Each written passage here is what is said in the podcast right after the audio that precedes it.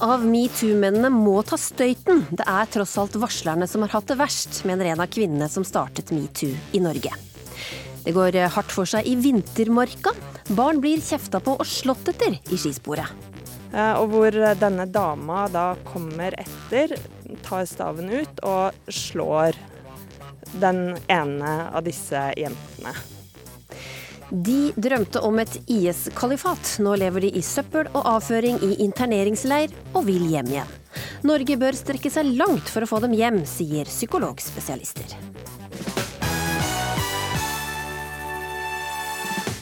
Velkommen til ukeslutt denne lørdagen, som både byr på Melodi Grand Prix og nye gullsjanser i VM i C-felt. Jeg heter Linn Beate Gabrielsen og skal være med deg de neste to timene. Queen åpnet Oscarshowet på søndag, og filmen Bohemian Rhapsody stakk av med hele fire Oscar-statuetter. Vi åpner med Another One Bites The Dust.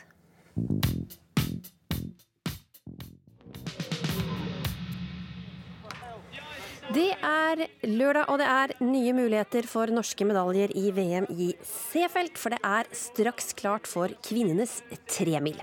Og Geir Elle, svenskene de tok jo gullet fra oss på stafetten. Kan de bli farlige også i dag? Vi har noen svenske kvinner til start i C-felt i dag. Vi har spesielt Charlotte Kalla som viste stor form på stafetten og knuste Astrid Hunholt Jacobsen på sin etappe. Hun kan nok være med og konkurrere om medaljer. Vi har kometen, supertalentet Frida Karlsson, som er på alles lepper her i C-felt. Hun har vist god form og kan på en god dag bite godt fra seg. Therese Johaug er den store favoritten, og hun har innbitt forsøkt å prøve å si at det er ikke bare bare å surfe inn til gull i VM, men alle mener at Therese Johaug er den store favoritten, og det mener også jeg og mange med meg. Mm. Vi har jo flere norske som stiller til start, hva med dem? Vi har Ingvild Flugstad Østberg, kan være en joker i dag. Har vist god form i VM, tatt medaljer på alle de distansene og øvelsene hun har stilt opp i. Vi har en Astrid Urnholt Jacobsen og Ragnhild Haga. Større spørsmålstegn bak de i forhold til hva de kan få til, men vi vet at Ragnhild Haga på en god dag kan bite fra seg. Ellers er det jo noen outsidere i jeg kaller det outsidere, kanskje å ta litt hardt i, men i hvert fall en del av de utenlandske løperne, type fra Russland og Finland. Krista Pernekoski på en god dag. Men uh, igjen, det, vi må nok følge spent med på Johaug i dag, for hun kommer nok til mest sannsynlig å gå inn til gull. Det er i hvert fall det vi håper på, da. Vi krysser fingrene, og så kommer vi tilbake til VM i C-felt om ja, når det har gått sånn ca. tre mil. Her kommer litt uh, musikk å gå fort på ski til, vil jeg tro. Dagny og Burns med Fool's Gold.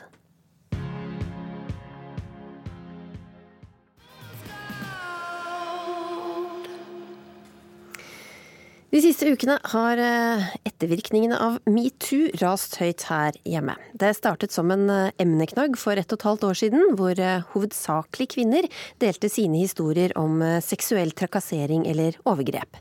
Og tanken var å synliggjøre hvor mange som opplever dette. Men hvor står egentlig metoo i dag?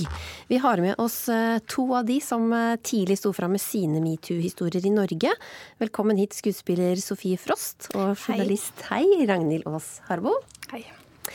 Altså Sofie Frost, du var altså en av dem som uh, sto fram, bl.a. her i Ukeslutt, hvor du fortalte hvordan en regissør blotta seg for, foran deg. Um, hva tenker du nå om at metoo-anklagede politikere nå er tilbake i politikken? Ja, jeg syns jo det gikk ganske kjapt, må jeg være ærlig å si. Jeg føler egentlig at de ikke noen gang ikke var med. Og ikke bare at de kommer tilbake ganske fort, men de kommer tilbake ganske høyt oppe i systemene. Det er ikke snakk om å begynne litt på nytt eller jobbe seg opp. Det er sånn rett inn i å lede møter og toppverv og hele pakka. Så det Ja. Det var egentlig både sjokkerende og egentlig ikke sjokkerende i det hele tatt, for å være ærlig. Har du rukket å hente deg inn? Nei, herregud. Jeg føler jo det var i går at alt dette starta. Og jeg tenker jo at jeg er veldig glad for at de som har utsatt meg for seksuell trakassering, ikke er folk som er sånn i offentligheten, så jeg slipper å, jeg slipper å se de mm. i aviser og på TV, og slipper å se de få tilbake stillinger eller jobbe mine Hva kan man si? De som var ugreie mot meg, har vel aldri mistet noe jobb, da. Men uh, det må jo være ganske traumatiserende og triggende for de som har blitt utsatt uh, av disse menneskene, da. Mm. Ragnhild Aas Harmo, du sto jo også fram med din historie som var fra mediebransjen. Eh, du fortalte bl.a. at du på en jobbreise våkna av at en kollega holdt på å kle av deg, og kle av deg mm. bh-en. Eh, hvor lenge syns du de skal sone, da? De som, eh, det er jo mange som spør om det. Hvilke tanker gjør du det? Det er jo et ekstremt vanskelig spørsmål, først og fremst. For det er, jo, det er jo noe med det samfunnet vi lever i, at det skal jo være rom for tilgivelse og nye sjanser. Men jeg er jo enig med Sofie at eh, det var både veldig skuffende å se, og så, og så blir han ikke overraska heller. Det er en trend du ser i USA. Sant? Eh, mektige menn som virkelig har drevet på draget, de, de, får lov til å få de høyeste posisjonene. Så at det skjer i Norge òg er Altså det, jo, det, sender jo et signal om at det, det, her er bagateller, ikke sant. At det, ja, det er ikke så nøye. Og jeg tror ikke noen har gått inn og tenkt hvordan oppleves det for alle unge jenter? Altså jeg tenker jo sånn for min egen del òg at eh, OK, det her viser at sånn oppførsel Du får deg en liten smekk på lanken, og så er det tilbake inn i, i gamet, mens vi andre må stå her og være redde for å gå på jobb. Og sånn syns jeg ikke det skal være. Hvordan tror du det er for uh, unge kvinner, som du, som du nevnte? Nei, altså Jeg vet jo hvordan det er sjøl. Uh, det ble jo veldig belastende for min egen del å skulle være ny og ung i en redaksjon og dra ut på oppdrag der jeg ønska for alt i verden å gjøre mitt beste og vise at jeg hører til her, og så vet du at det er en veldig høy sjanse for at du møter denne personen på jobb. Og da, det ødelegger jo, det ødelegger jo alt. Og jeg har snakka med en del av disse varslerne òg, som har trukket seg, som har tatt et steg til side, funnet ny karriere. Og da tenker jeg, da er det ikke disse mennene i topposisjonen her som er ofrene. Det er alle de som ikke tør å gå på jobb lenger. Mm. Sofie Frost, eh, merker du noe Merker du noe endring etter metoo, etter at alle disse historiene har kommet fram?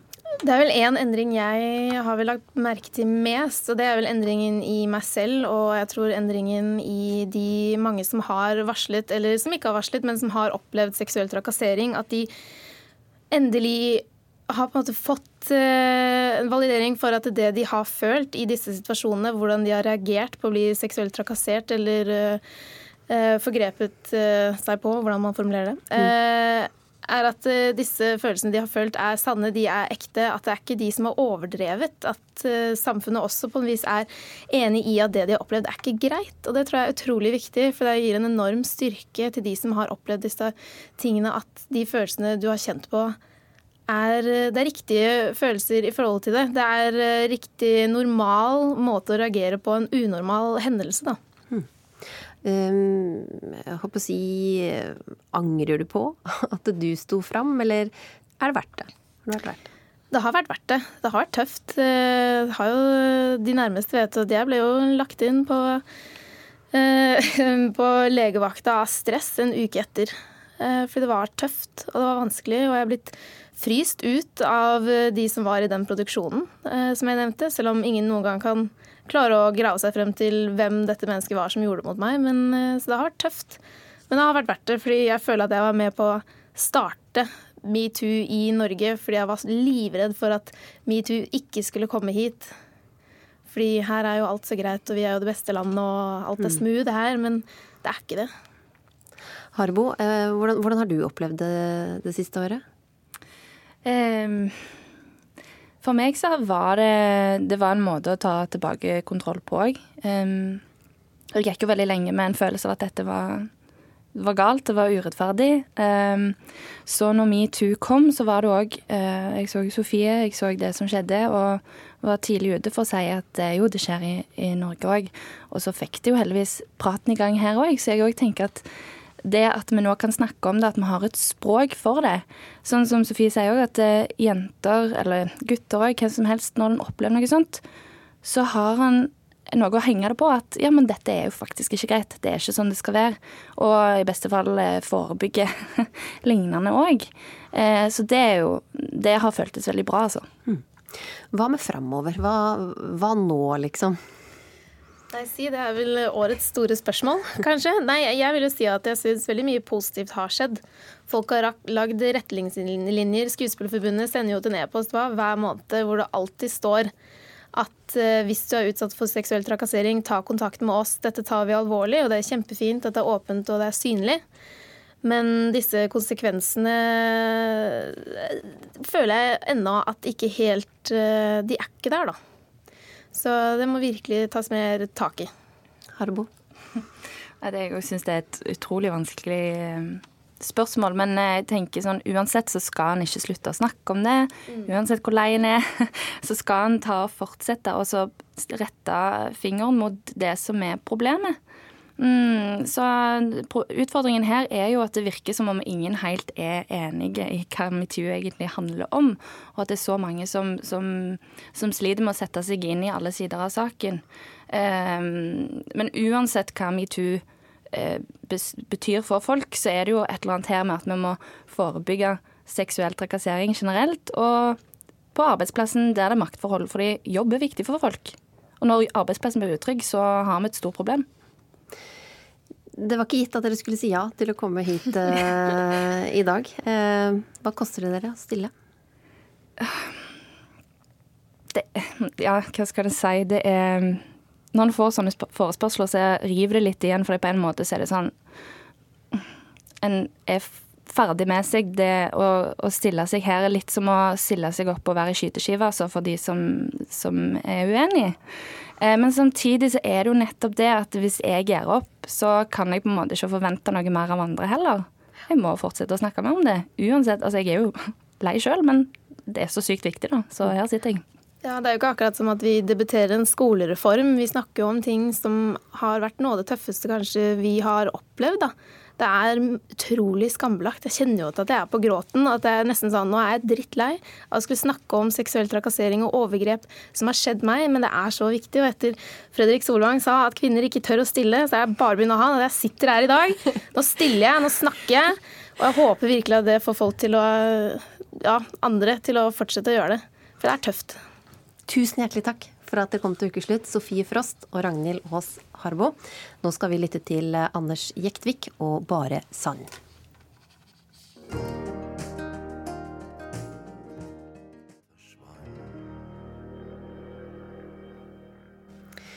Mange trøndere har fortsatt tillit til Trond Giske. En meningsmåling fra Adresseavisen viser at over halvparten av trønderne har stor eller noen tillit til Ap-politikeren.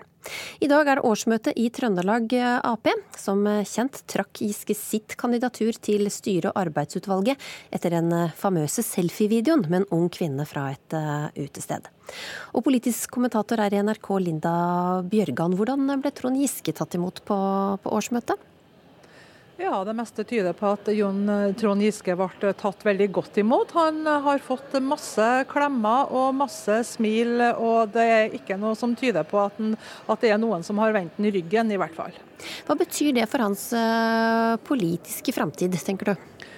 Ja, nei, Det betyr jo bare at uh, Trond Giske er i ferd med å bygge opp uh, tilliten. Han har en solid posisjon i Trøndelag Arbeiderparti fra, fra før. Uh, men det er klart at denne metoo-saken og det som skjedde i, i, fjor, det har jo gitt ham ei ripe i lakken som han er nødt til å, å pusse på sjøl. men Trond Giske han er i ferd med å gjøre den jobben nå.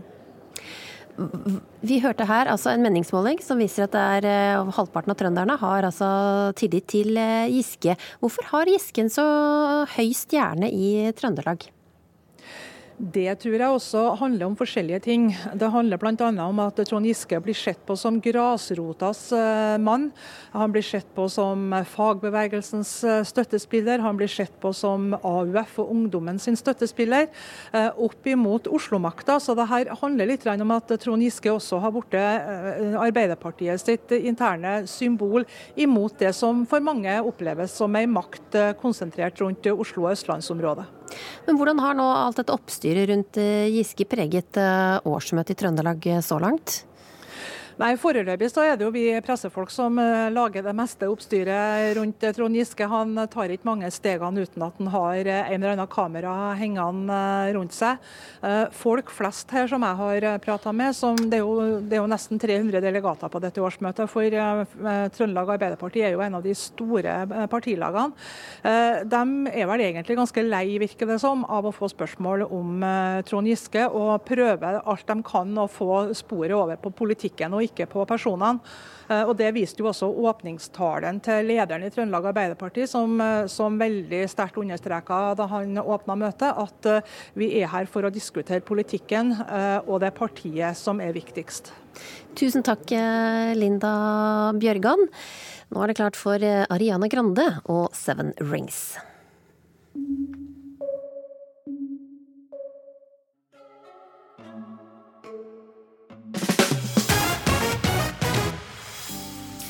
Vi må ta ordet fitte tilbake, mener sexolog. Men er folk på gata klare for det? Fitte syns jeg er litt stygt. Eller musa. Fitta? Det har jeg ikke lyst til å uttale. Fitte? Det høres så vulgært ut. Så stygt ut. Ja. Det er litt sånn skjellsord. Kjendisveterinær Trude Mostu tar et oppgjør med avl av bulldogger. Det er vondt å se hvordan de sliter med å puste. Mine hunder har det ikke vondt, svarer oppdretter. Og før alt dette, Ingenting er farlig med Trond Trudvang.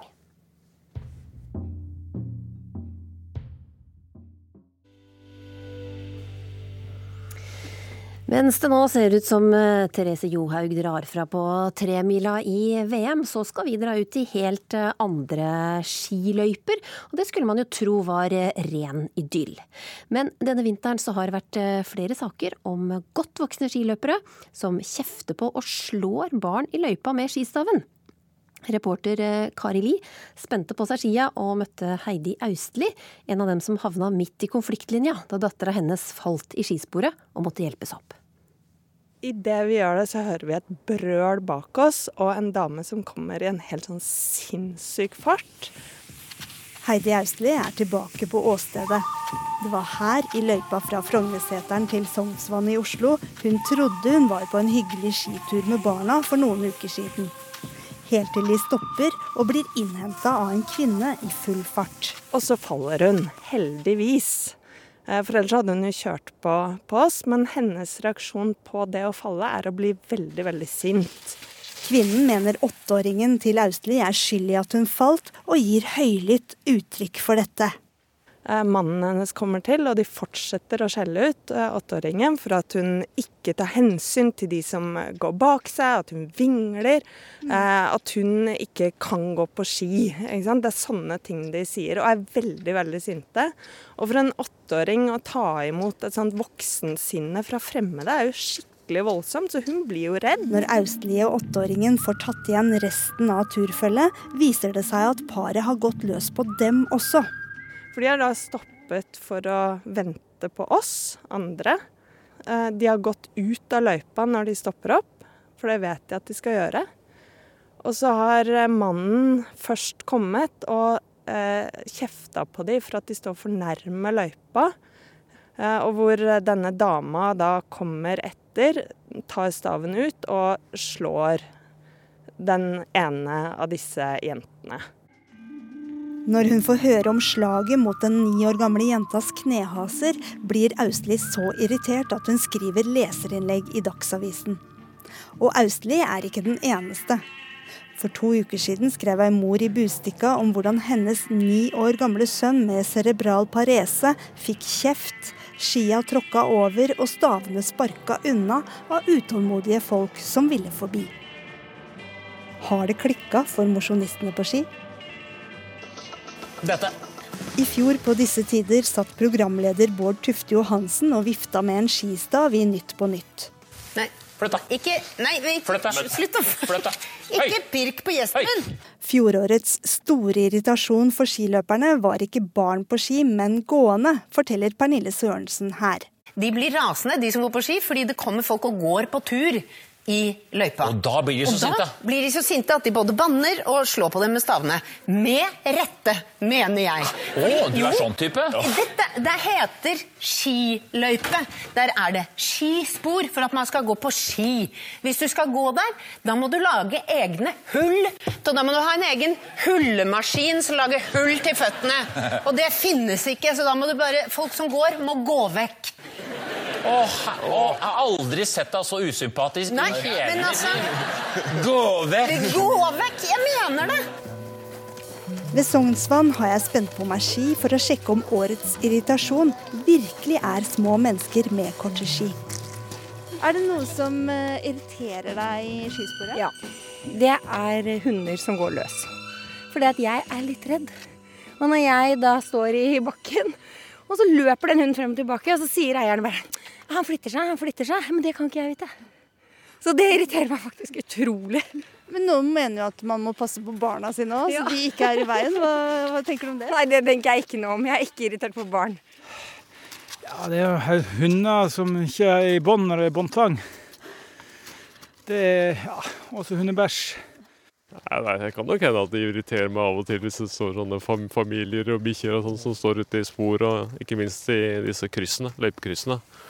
Så står de der og spiser og har lunsj og sånn, og så kommer man og så i full fart ned bakken. Det, det er litt sånn kjedelig. Ja, hva skjer da? Jeg prøver i hvert fall å senke farta litt, men det kan nok hende av og til at jeg kommer litt nære noen av de som står i krysset.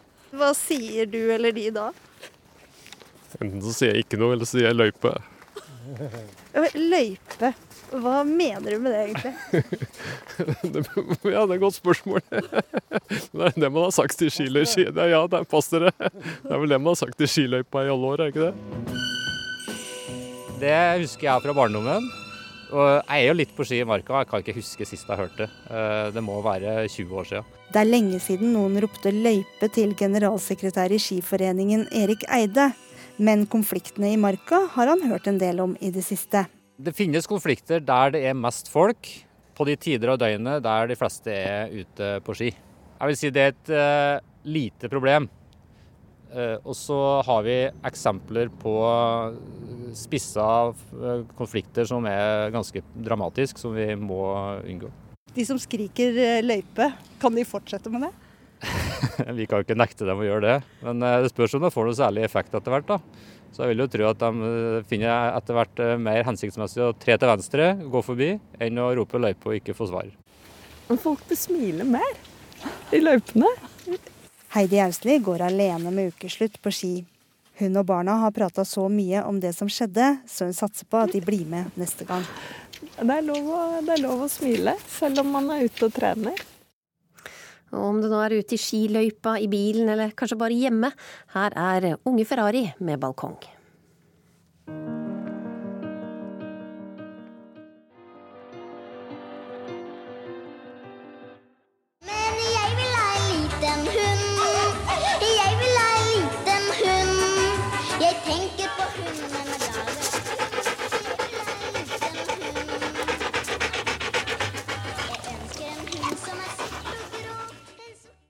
Ja, de er eh, søte og familievennlige, men har de det bra? Se for deg bulldoggen på logoen til eh, tobakksmerket Petterøes. Breibeint og med stort hode.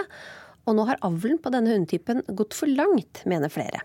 Denne uka ba Dyrebeskyttelsen Norge om en forskrift til eh, dyre, dyrevelferdsloven for å få bukt med uetisk avl. Og det er på høy tid, mener du veterinær Trude Mostu, sist sett i Farmen. Hvilke problemer mener du bulldog har? Nå blir bulldoggen spesielt dratt frem pga. at den har så ekstreme anatomiske trekk. eh, Og pga. disse anatomiske trekkene så får den veldig spesifikke problemer. Og den, eh, de har blitt snakket om over lengre tid. Eh, Det er jo ikke akkurat det siste året. Det er jo noe som vi har blant oss veterinærene har vært opptatt de siste 20 årene, egentlig. Problemet nå er at avlen har tatt en retning hvor trekkene har blitt enda mer ekstreme enn det det var f.eks. For, for 100 år tilbake. Og det betyr at også da helseproblemene har blitt mer. Som pusteproblemer, eh, øyeproblemer, hudproblemer. Eh, Lista er lang. Ole Kristian eh, Løkken, du er oppdretter av engelsk bulldog og med i styret i Norsk bulldogklubb, og har for tida sju bulldogger. Lider dine hunder? Eh, nei, jeg kjenner meg ikke igjen i den kritikken som Dyrebeskyttelsen fremfører, og delvis heller ikke i den kritikken som Trude Mostu kommer med. For øvrig så var vår første bulldog, som vi fikk for tolv år siden, det, det, første mennesket den møtte når den kom til Norge, på Gardermoen, det var en eh, ung veterinær som kom bort og ville se på den. Hun sitter i studio i dag. er det sant?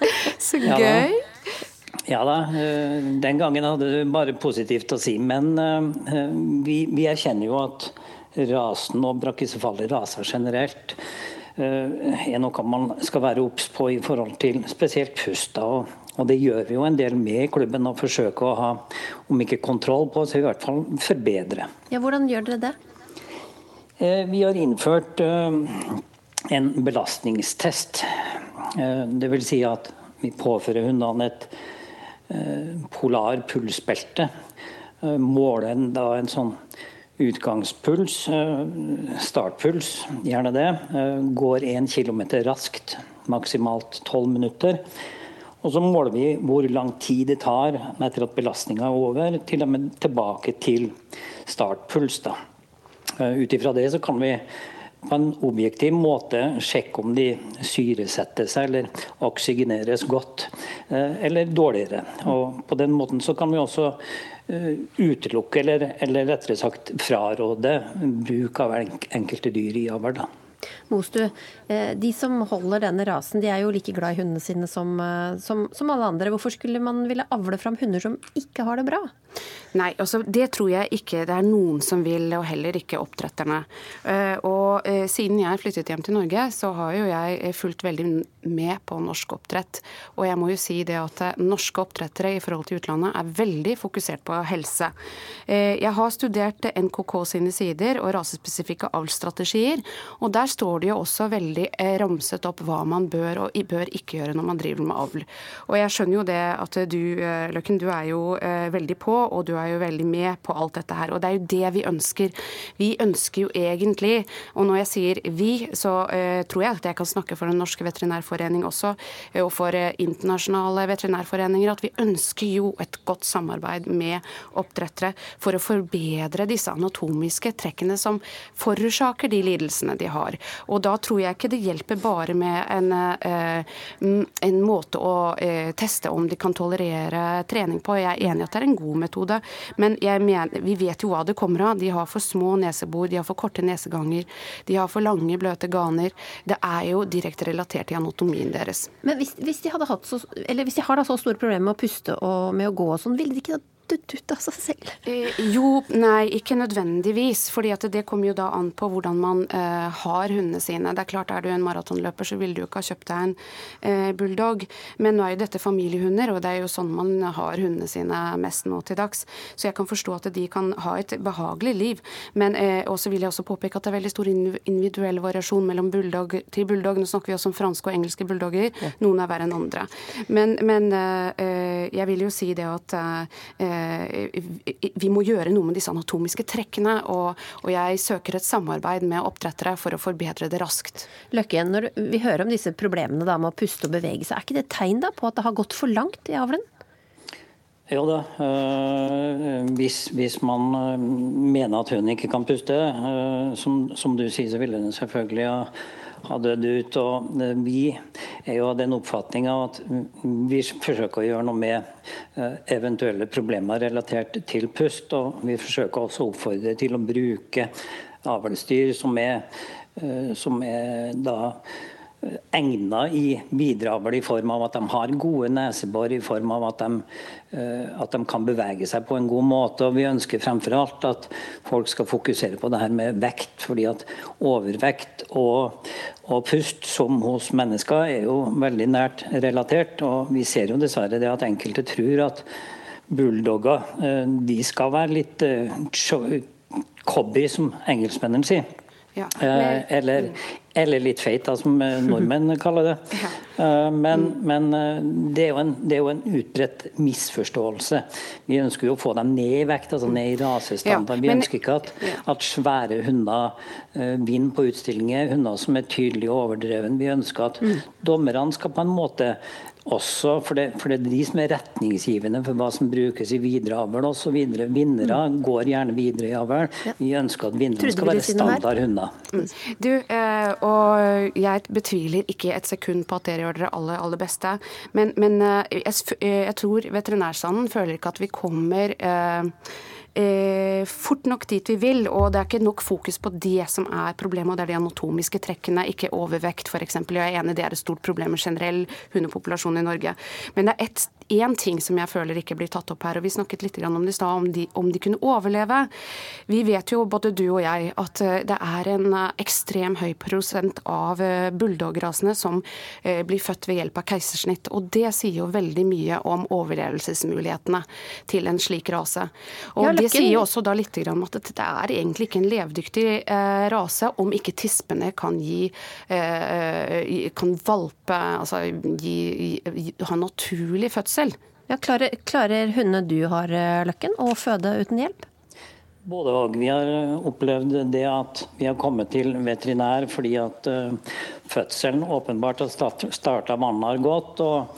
Eh, og veterinær har konkludert med at her er det lurest å foreta et snitt. Eh, Det som skjedde når de da kom ut av operasjonsstua, det var det at veterinæren sier at ja, det var på høy tid, for den ene var på tur ut. Det var like før den kom ut. Og da tenker jeg, har ikke veterinærene også et ansvar eh, som fagfolk for å hjelpe til å gjøre gode vurderinger om denne fødselen kan foregå naturlig?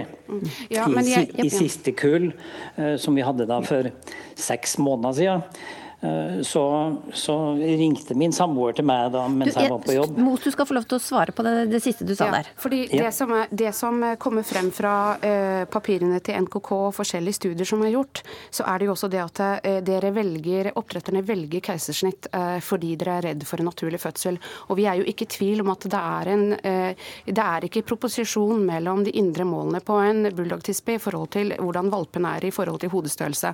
Så igjen så kommer jeg tilbake til tre viktige punkter. Ja, nei, nå kan Løkken få svare på det. Det er oppdretterne. Eh, jo da, eh, vi er enige at, at keisersnitt eh, er altfor hyppig representert. Eh, og Derfor så har Bullock-klubben tatt initiativ overfor veterinærer, senest overfor Veterinærhøgskolen, for å få i gang et fødselsprosjekt. Et fødselsprosjekt som vi da har eh, klart å få det stipendiat på 75 000 til, og som styreklubben har gitt 75 000 til. Vil si at en liten klubb med 600 medlemmer de, de Det altså høres veldig 100 bra ut. Og så er jeg nødt til å være litt streng og si takk for eh, diskusjonen nå, Ole Kristian Løkken og Trude Mostu. Nå skal vi la John Lennon ta over her i Ukeslutt med 'Starting Over'. Our life together.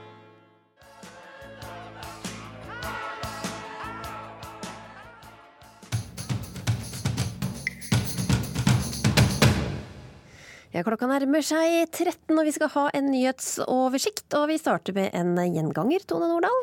Ja, det er ikke første gangen vi snakker om eh, KNM Helge Ingstad, krigsskipet som forliste i Hjeltefjorden for nesten fire måneder siden. Nå, endelig, så har bergingsmannskapene greid å få fregatten over på en lekter i en krevende operasjon. Denne lekteren er skjøvet inn under skipet, og nå blir denne lekteren langsomt, langsomt hevet. Det kommer til å ta noen timer, og den som liker sjakte-TV kan jo følge med på nettsidene våre, nrk.no. Og så er det fylkesårsmøte i eh, Trøndelag Arbeiderparti i dag, og den som får mest oppmerksomhet der, det er en mann som i utgangspunktet ikke er på valg, nemlig Trond Giske. På forhånd så har det vært eh, spekulasjoner rundt om det kommer et benkeforslag på Giske, men eh, nå sier fylkeslederen i Trøndelag Arbeiderparti, Per Olav Skurdal Hopsø, til NRK at det ikke kommer til å skje. Partiet er viktigere enn enkeltpersoner, slår han fast nå. Så har vi også vært innom eh, ski-VM eh, tidligere her i dag, der eh, kvinnene nå går tremila. Så hvordan ligger det an der nå? Ja, De går fire runder på 7,5 km, og da de passerte 15 km for litt siden, så ledet Therese Johaug med hele 40 sekunder. Oi, oi, oi. Og det er en gruppe på seks løpere som ligger samlet bak der, 40 sekunder bak altså. Blant dem er Ingvild Flugstad Østberg, som er med og kniver da om kanskje en sølvmedalje, for det skal mye til at Johaug ikke tar gull nå. Ja, Vi skal følge med på det og få med oss eh, innspurten også, forhåpentligvis. Men hvis jeg nå sier eh, Toto-tone, hvilken eh, låt tenker du på da? Da tenker jeg på Afrika.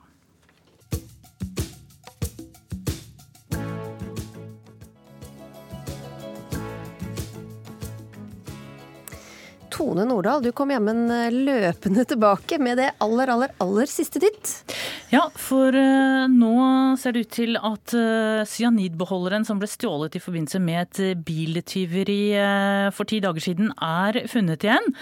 Ifølge VG så forteller Øst politidistrikt nå at de i går kveld pågrep to menn som er mistenkt for å stå bak tyveriet av denne varebilen. Og cyanidbeholderen den er hel.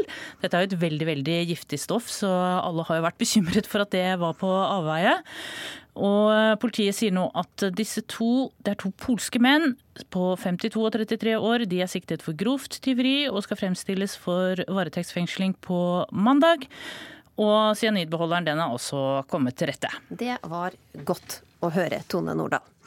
Men nå skal det handle om et ord som kanskje ikke brukes så ofte, i hvert fall ikke offentlig eller her i radioen. Det står i banneordboka, men det er egentlig ikke et stygt ord, skal vi tro sexologen. Reporter Munever Gildis testet ut ordet på folk på gata. Hvilket ord bruker du for dametissen? Jeg ville egentlig bare sagt tiss, tror jeg. Det blir vel kanskje heller vagina. Ja, jeg glad for Hva sier du? JJ, sier jeg det. Eh, Jeg vet ikke. Fitte, Ja. Fitte. Vagina. Fifi. Hvorfor ikke bare si fitta? Fordi fitte er stygt. Fitte er søtt. Fitte syns jeg er litt stygt. Eller musa. Ja, musa. Mm, det har jeg ikke lyst til å uttale. Jeg bruker utelukkende fitte, jeg tror jeg. Ja. Men Man sier jo hun hadde en fin vagina, men man sier ikke hun hadde en fin fitte. Nei, det er for så vidt sant. Jeg bruker Jo, jeg sier du hadde fin fitte, hvis jeg skal si det til noen.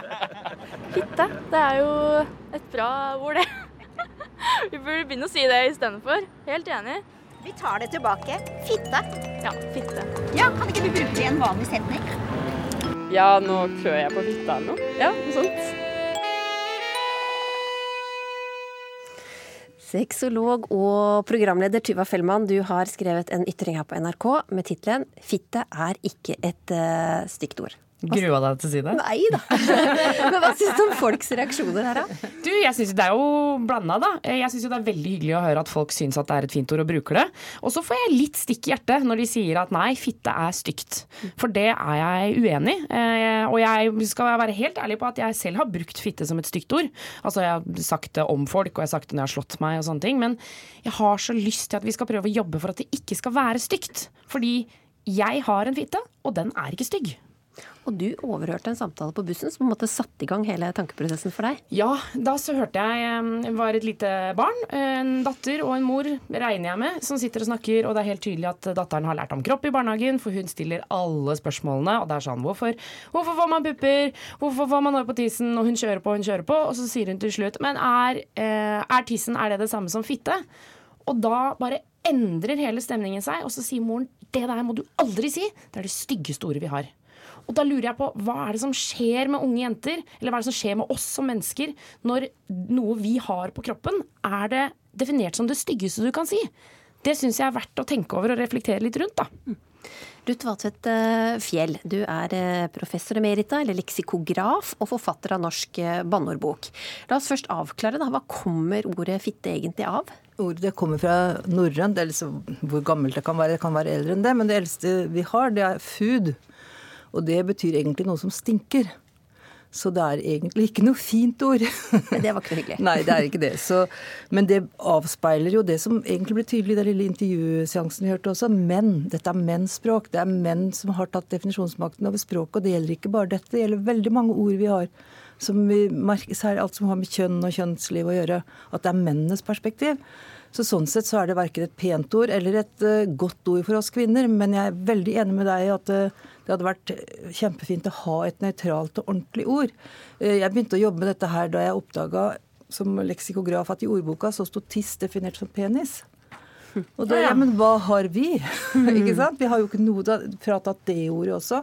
Og det, da ble det endra, men jeg så i den nyeste utgaven av bokmålsordboka nå igjen, så er det endra tilbake igjen. At det først og fremst er penisen som er tissen. Så den kan vi jo ikke bruke heller. Men altså Hvorfor er ordet blitt så belasta, da? Fordi at det har vært tabubelagt. Og det er jo på en måte mennene som, som skulle eie det. Det er mennene som eier kvinnene, og også deres kjønnsorganer. Men, men jeg tenker jo sånn for det, det, stemmer jo helt sikkert. Men jeg tenker at nå når vi er i 2019, så går det an at vi damer slutter å bruke det som et stygt ord, vi også. Fordi nå sitter vi på den makten alle sammen. Og nå tenker jeg sånn Nå må det bare en finger i jorda her og slutte å liksom rakke ned på vårt eget kjønnsorgan. Alle sammen. Men du er jo programleder i P3-programmet Juntafil, som har gjenoppstått som podkast denne uka. Og Der svarer dere på all verdens spørsmål fra lytterne om eh, kropp og, og sex. Hva forteller spørsmålene da, eh, om kvinners forhold til eget uh, underliv? Nei, Det er jo uh, forskjellig. Um, det er klart at Vi får jo masse positive relaterte spørsmål. altså Hvordan kan jeg få orgasme, og uh, hva, hva, skal jeg gjøre for å ha det deiligst når jeg har sex, og sånne ting. Men det er helt tydelig at det også er en del jenter som er veldig usikre på sitt eget underliv. altså De er uh, bekymra for hvordan det ser ut, hvordan det smaker, hvordan det lukter. Og det er såpass at vi har fått SMS-er fra jenter som sier at, at kjæresten min skal gi meg oralsex, er helt uaktuelt. Altså Det kommer ikke på tale fordi han kommer til å synes at den er stygg eller smaker fælt eller Altså det er på en måte en del usikkerhet. da. Eh, og der har vi jo også hatt eh, Vi snakker jo ofte om det at man f.eks. ikke skal vaske inni skjeden, for eh, fitta er selvrensende. Så derfor så skal man ikke skylle. Men det vet vi at det er en del unge jenter som altså, rett og slett spyler tissen. Og det er ikke noe bra. Og jeg blir sånn, jeg sier ikke at ordet fitte er liksom ene og alene grunnen for dette, men hallo, det kan jo ikke hjelpe noe heller. At vi sier at fitte er så innmari stygt. Mm. Fjell, har du trua på at vi kan ta ordet tilbake? Ja, jeg tror det kan gå an, men det tar nok tid. Så ja, du må være tålmodig. Ja, det tror jeg vi kan gjøre. For ellers har man jo bare brukt sånn metaforiske Kvinnen har snakket om kjærlighetsblomsten og rosen. Han tok min ros, og han drog. ikke sant? Det er veldig mye sånn metaforer som man skal tenke seg, og en rose er jo en, en ganske bra metafor. Det er bedre enn en mus som menn bruker. Mm. ikke sant?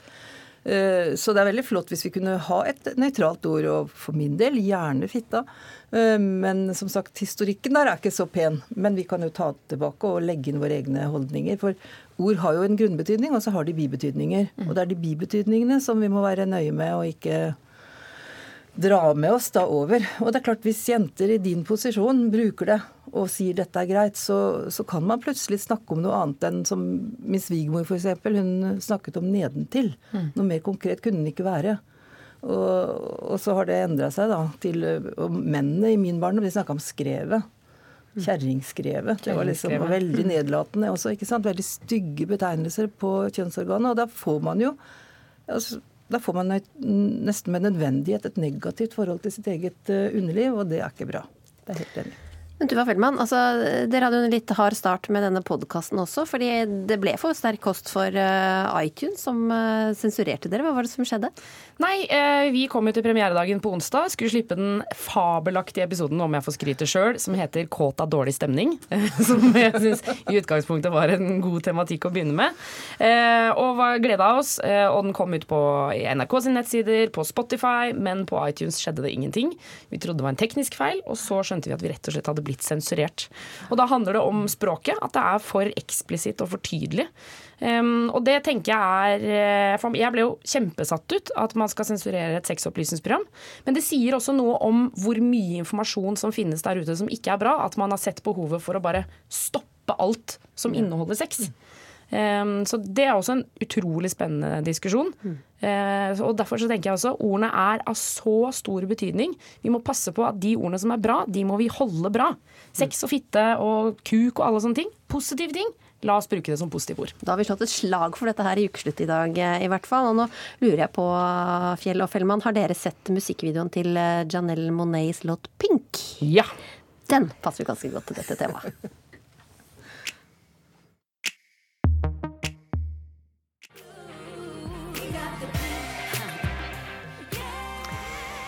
kveld er eh, kvelden når hele Norge skal stemme fram det norske bidraget til Eurovision Song Contest i Tel Aviv 18. mai. Og det er kjent at eh, Netta Barzilai, fjorårets eh, vinner fra Israel, hun kommer til den norske finalen i kveld. Og reporter Knut Øyvind Hagen, har du sett noe til Netta nede i Oslo Spektrum? Ja, dette fargerike fyrverkeriet av en dame sitter faktisk rett ved min side. Vi er ikke i Oslo Spektrum, men vi er i tårnet i nabobygget, Oslo Plaza. Og hun er da iført flagrende tøy-tøy, som vinnerløten var eh, i fjor, og et glitrende smykke som seg hør og bør for en regjerende slagerdronning. Anetta, why are you here in Norway? I came for the salmon. I'm never gonna understand your language. What was that opening line? Wow. But you sang last year, Look at me, I'm a beautiful creature. What is so beautiful about the Eurovision Song Contest? I think that Eurovision Song Contest is an alternative bubble which creates magic and, and, and goodness, and everything is amazing inside of it. And it's incredible. I'm in love with Eurovision uh, because of that. We want to win in Tel Aviv. What does it take to be a Eurovision champion? I think uh, when I was in Eurovision, I was competing with myself. I was I wasn't thinking about my competitors. I was trying to make 200 million viewers into a local bar. I think people love when people tell them the truth. They don't like masks. They don't like uh, fake. They like true. So I think for you to be the Eurovision winner, you have to connect with yourself and bring yourself and bring your heart and bring your energy from home. That's it. Also, there has been a lot of protests about having a Eurovision in Israel, and many have wanted to boycott. What are your thoughts about that? I think boycotting music is boycotting light. I think Eurovision was founded in the 50s in order to heal up a torn up nation after World War II. Uh, I think when people go to Eurovision, they stand together as equal, no matter gender, color, or, or religion.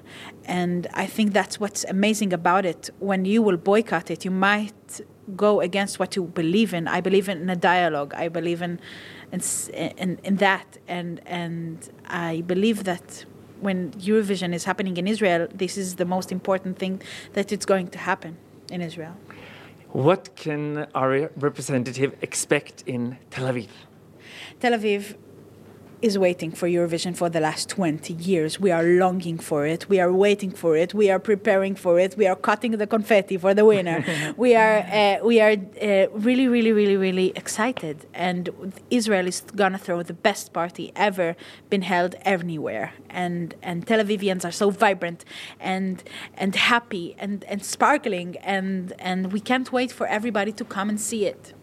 Happy og sparkling er jo definitivt også netta, og aviv betyr vår på hebraisk, så alt ligger jo til rette for en deilig Eurovision-vår ved Middelhavet.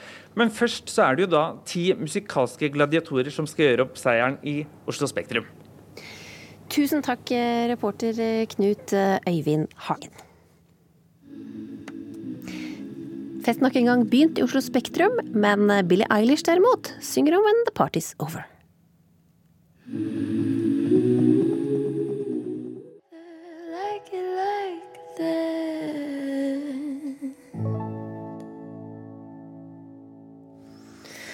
Og da har innspurten startet i damenes tremil, og reporter Marianne Kvamma Mengual, du står ved målstreken, og vi håper jo virkelig at det er Johaug som skal dukke opp først der? Ja, det er ikke noe tvil om at eh, det er Johaug som kommer til å dukke opp først. Det er ca. en kilometer igjen. Hun har leda fra passerte fem kilometer, så hun har vært eh, overlegen. Det har egentlig aldri vært spennende om dette gullet. Men eh, det er medaljene bak som kan være spennende. Sølv- og bronsemedaljene. Så svenskene klarte altså ikke i dag å gi henne skikkelig konkurranse? Nei, svenskene klarte ikke det. Charlotte Kalla hun måtte, ups, hun måtte gi seg veldig fort. Frida Karlsson, 19-åringen, hun har klart å henge med lenge. Og ellers, hvordan står det med hvordan, Hvem kjemper om de medaljene som kommer etter? Det er eh, Frida Karlsson og Ingvild Flugstad Østberg som kjemper om medaljene bak. Og så har vi hatt med eh, amerikanske Jessica Diggins, som har hengt med lenge. Hun har gått rundt i shorts og korterma her, fordi det har vært varme dager, men ikke riktig så varmt eh, i dag. Så jeg vet ikke om eh, det har vært eh, til hinder for Diggen, som har måttet slippe Flugstad Østberg her etter hvert. Hvordan opplever du stemninga i, i målområdet nå? Det er eh, veldig god stemning, men ikke like spent. For vi, det ser jo ut til Altså, hun må jo brekke skiene om ikke Johaug skal ta dette gullet. Men eh, det er da spennende om de plassene bak. Ja, da sier vi tusen takk ved Barianne Kvamme Amengual.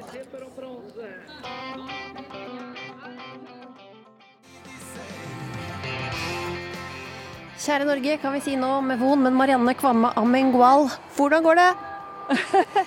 Nå stiger stemningen på stadion her. Johaug har fått flagget, og hun går hele langsida inn med flagg i hånda, og det er en overlegen seier. Der er hun i mål, og vi må speide for å se etter de andre.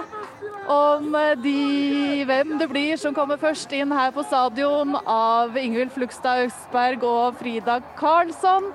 De har ennå ikke kommet inn på stadion. Nå kommer de inn her. Det er litt vanskelig å se. Jeg står helt ved mållinja, og mange norske flagg vaier her for Ingvild Flugstad Østberg, er det ikke det, da? Det er litt vanskelig å se for alle flaggene. Ja! Ingvild Flugstad Østberg, sølv til Ingvild Flugstad Østberg. Og så er det 19 år gamle Frida Karlsson som tar bronsen for Sverige. Ja, vi får unne dem en medalje til dem også. Det ble altså da dobbel norsk i tremila.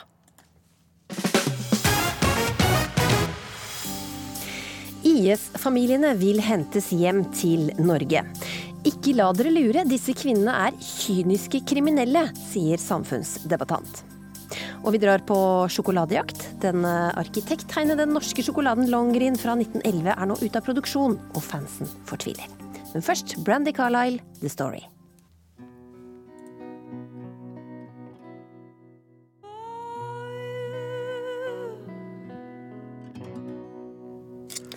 Så nå holder jeg i handa en av de aller siste mm, Longgreen-sjokoladene.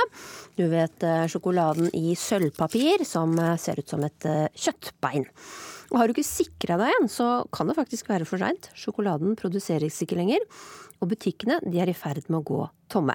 Den har selvfølgelig fått sin egen støttegruppe på Facebook med 14 000 medlemmer.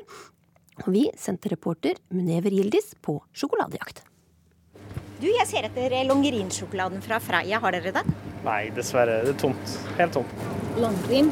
Ja. Nei, det eneste vi har, er de som ligger der borte. Helt utsolgt. Longerinsjokolade? Nei, vi har ikke.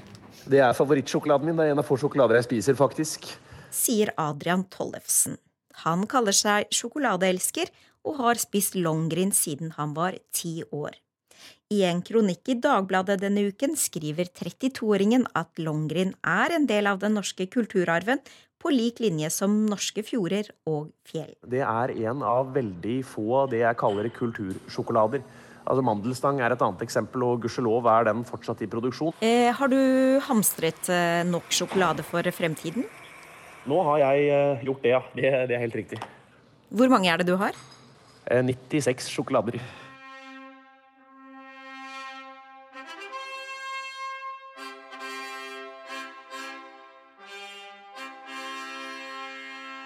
Året er 1911 når den første Longrin-sjokoladen blir solgt i Nationaltheatret i forbindelse med premieren på Richard Wagners opera Longrin. Sjokoladen blir tegnet av arkitekten Henrik Bull, som også har tegnet Nationaltheatret. Dette er faktisk Norges eneste arkitekttegna sjokolade. Sier Bjørn Vidar Jacobsen, som er seksjonsleder ved Historisk museum i Oslo. Mange kaller den jo bare for kjøttbeinsjokoladen. Uh, og det er jo som en stang med en kule i hver ende. Og nå skal jeg gjøre noe som er veldig eksklusivt akkurat i disse tider når det finnes så lite igjen av det, og det er å åpne opp den ene sida. Og da ser dere at her er det et stilisert rosemønster på denne sirkelen. Selv om sjokoladen i sin tid ble laget for et kresen teaterpublikum, mener Jacobsen at den etter hvert ble en folkefavoritt.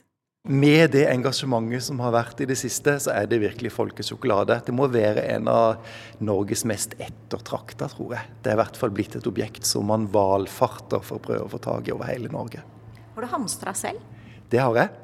Og eh, siden eh, jeg jobber i museumsbransjen i et hus med tegna av bull, så pleier jeg jo alltid å bruke den i omvisninger. Det gjelder å hamstre favorittsjokoladen sin mens man kan. For i februar i år sluttet nemlig Freia å produsere sjokoladen pga. liten etterspørsel. Siden har mange prøvd å få tak i den.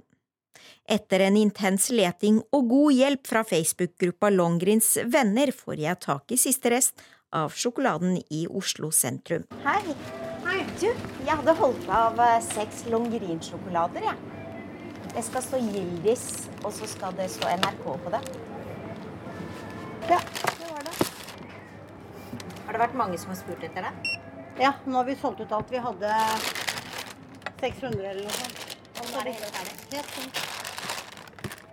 Helt. Du, kan jeg by deg på en sjokolade? Ja, det kan du gjerne. Det... Vær så god. Se Forsyn deg. Ja. Se der. Hvordan ser den ut? Lohengrin. Ja, den var jo Det ser ut som en sånn hunde... Hunde... Åh, hva heter det nå? Kjøttben. Ja, kjøttbein. Men den ser jo veldig god ut, da. Vær så god, ta deg en bit. Ja, tusen takk. Mm. Men god. Veldig god. Mm. Jeg elsker sånn her sjokolade. Med sånn mint. Mintgreier. Ville du ha kjøpt den? Altså, noe som har smakt den, så kanskje, ja. ja. Men eh, på innpakninga så hadde jeg faktisk eh, sett forbi. Den selges ikke mer. Den gjør ikke det, nei. Oh. Så det er antikk sjokolade, altså. Og jeg vet ikke om det er eh, kakaobønnene Hayase Kite har tenkt på når de lagde låta Mexico, men det er i hvert fall den vi skal høre her nå. I don't wanna fight.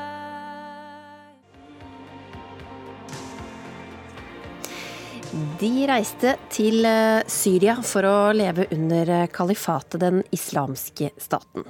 Men som vi har kunnet lese i saker på nrk.no, for mange er drømmen om å bygge opp et IS-kalifat endt i en interneringsleir prega av søppel og avføringer. Og nå ønsker selvfølgelig mange av dem å komme tilbake til eh, hjemlandene sine. Faren til Aisha Shesadi fra Bærum sa til NRK denne uka at norske myndigheter har et ansvar for å hente dem hjem. Jeg mener norske myndigheter bør ta ansvar for å få henne tilbake. Hun ønsker jo å komme tilbake, og eh, som hun selv sa, at eh, hvis det er en straff som hun eh, må ta, så er hun villig til det. På samme måte som de har hjulpet andre norske borgere som har vært i vanskeligheter i utlandet. Du tenker på Joshua French? Ja. Det er et godt eksempel hvor da myndighetene har jobbet veldig hardt på høyeste nivå for å få dem tilbake. Kristin Nesse Tue, du har skrevet bacheloroppgave om IS' kvinnelige fremmedkrigere. og hva, hva mener du vi bør, vi bør gjøre med de som nå vil hjem? Jeg mener at den norske stat ikke har noe ansvar for å hente disse kvinnene hjem aktivt. Det er noe med at de faktisk har dratt ned dit av fri vilje. Og der hvor faren til Aisha Shazadi snakker om Joshua French, så var jo det en helt spesiell sak fordi han hadde mottatt en dom med dødsstraff. Og det norske UD har jo gått ut og sagt at vi ikke kommer til å gjøre en innsats for å få disse kvinnene hjem aktivt. De kan komme hjem selv hvis de vil. Men vi kommer ikke til å hente dem der hvor de er. Og det tenker jeg at egentlig er en riktig prioritering. Fordi vi må ikke glemme at disse kvinnene faktisk har reist ned til Syria av egen fri vilje for å bygge opp IS-kalifatet. Og det at vi nå omtaler dem som en sånn kvinner og barn-samlekategori, som om de skulle vært sivile, det mener jeg at blir helt feil. Eh, Heidi Wittrup Djup, du er eh, psykologspesialist og sitter i Norsk psykologforenings menneskerettighetsutvalg. Og i en kronikk i Aftenposten så skriver du at Norge må hente hjem barn av norske IS-krigere. Men eh, hva med foreldrene? Ja, altså jeg tenker at denne Debatten ofte begynner å handle om de ulovlige handlingene som kvinnene har begått ved å slutte seg til IS.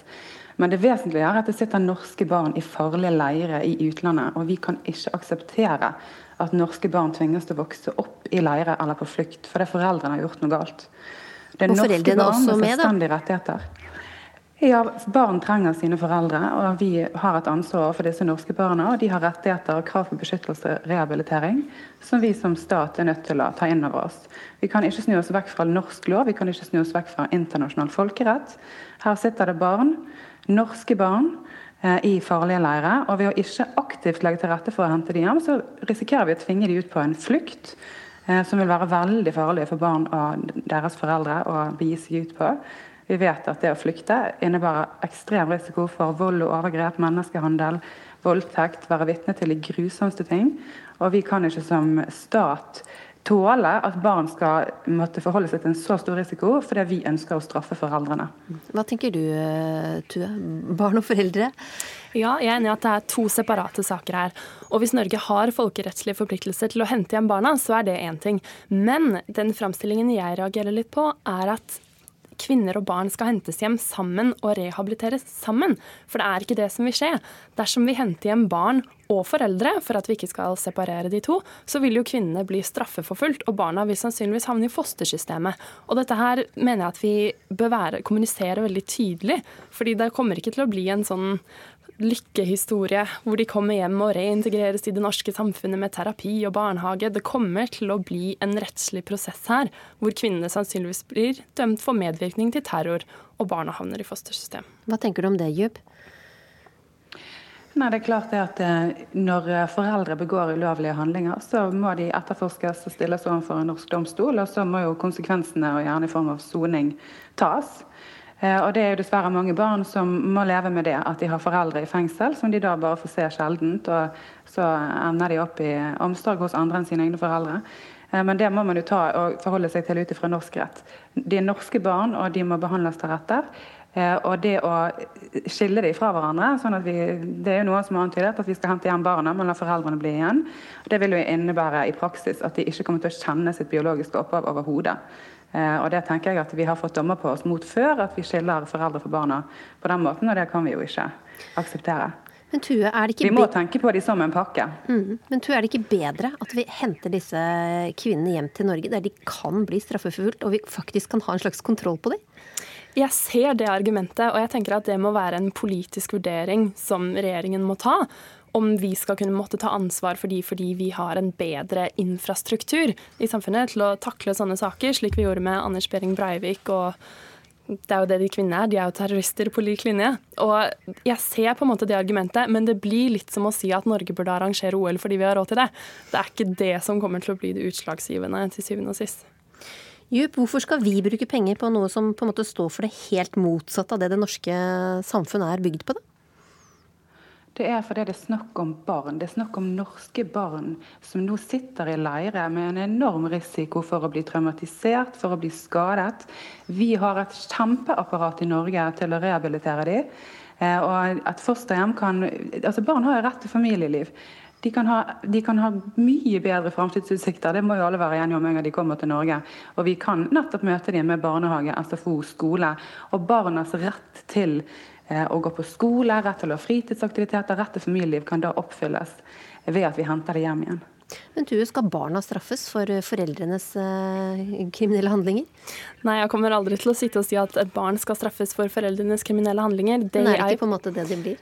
Det jeg først og fremst reagerer på, er måten vi omtaler kvinner og barn som en sånn sivil kategori uten noen nyanser. For det er der problemet ligger her. Er at vi må anerkjenne at disse kvinnene er fremmedkrigere, og at de bør straffes nettopp for det.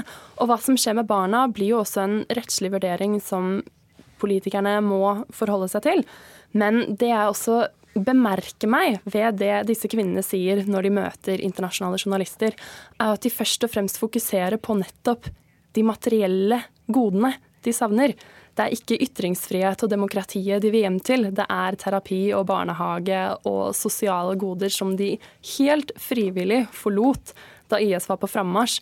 Så situasjonen er først og fremst preget av en viss anger, ikke på at de støttet IS, men at ting ikke gikk helt som planlagt. Og det må vi forholde oss til når vi snakker om det. Djup, hvor, hvor mye haster det, vil du si, med å få barna hjem, da?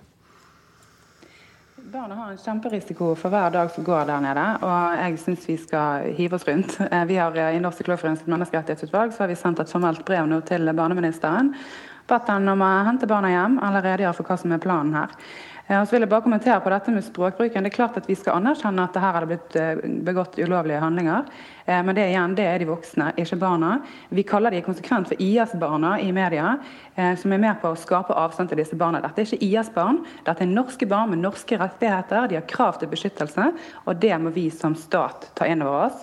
Og det er viktigere enn at vi fokuserer på hva vi kaller foreldrene for. Det er klart de skal stille oss overfor norsk rett, men barna er vi nødt til å fokusere mye mer på. Da er jeg nødt til å si tusen takk til dere, Kristin Nesse Tue og Heidi Wittrup Djup. Sånn jeg forstår. Vi skal eh, ut i trafikken, og først til eh, Troms. For det har vært to trafikkulykker sør for Harstad i dag. Og hvordan er situasjonen, Eivind Stuvold? Eh, Det er rydda nå på rv. 83 mellom Tjeldsundbrua og Harstad etter to trafikkulykker like nord for Tjeldsundbrua. Det har vært mye kø i området der, men nå skal trafikken gå som normalt igjen. Vær likevel oppmerksom på at det kan være glatt. Det var eh, glatt, glatt kjørebane som var årsaken til at det var to kollisjoner, opplyser politiet. Så har det vært eh, fem fylker med varmerekord i februar, har vi hørt. Men eh, klør det nå litt i øynene om dagen, eh, meteorolog Rafael Escobar Løvdahl? Ja, jeg kjenner det litt. Jeg gjør det. Det er vel noe, er vel noe pollen da, kanskje som er i gang. Jeg vet ikke om det er det, men jeg hører rykter om det. Hvordan ser det ut for det fremover? Ja, nei, nå, nå blir det jo litt nedbør i Sør-Norge de neste dagene, og det blir litt kaldere enn hva det har vært, så det går nok imot en bedring der, skulle jeg tro. For det har jo kommet inn nå mot eh, Vestlandet i form av regn, snø i høyden, og at det vil etter hvert bre seg til eh, det østafjelske. Så det ventes snø over eh, det østafjelske i løpet av kveld og natt. Og til dels er det regn som kan fryse på bakken i de sørlige områdene. Langs kysten av Sørlandet så kommer det nok som, som regn. Men kjør etter forholdene, over det østafjelske får vi venter regn som kan fryse på bakken der. Og den Nedbøren den vil jo eh, være litt periodevis, men det ser ut til at i løpet av ettermiddagen i morgen så forsvinner denne fronten videre, og det blir lettere vær på Sørlandet, Telemark og etter hvert også på Østlandet. Og på Vestlandet så går det over til regnbyger i eh, morgen. Eller regn i perioder også i Trøndelag, eh, snø i indre områder. Mens i Nord-Norge, her er det mye pent vær i eh, Nordland. Unntaket er ved Lofoten og Vesterålen hvor det vil gå noen snøbyger. Også på kysten av Troms og Finnmark får vi noen snøbyger. Men på vidda, her er det oppholdsvær. Og på Spitsbergen nordavind med liten kuling utsatte steder og kaldt vær med rundt om en 20 minus. Da tror jeg vi er eh, oppdatert på vær og trafikk, så da går vi over til REM og The Great Beyond.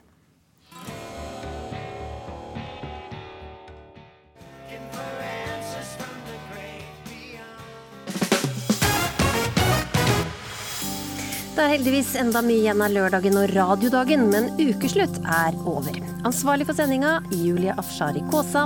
Linjer og spaker hadde Finn Lie kontroll på, og i studio hørte du Linn Beate Gabrielsen.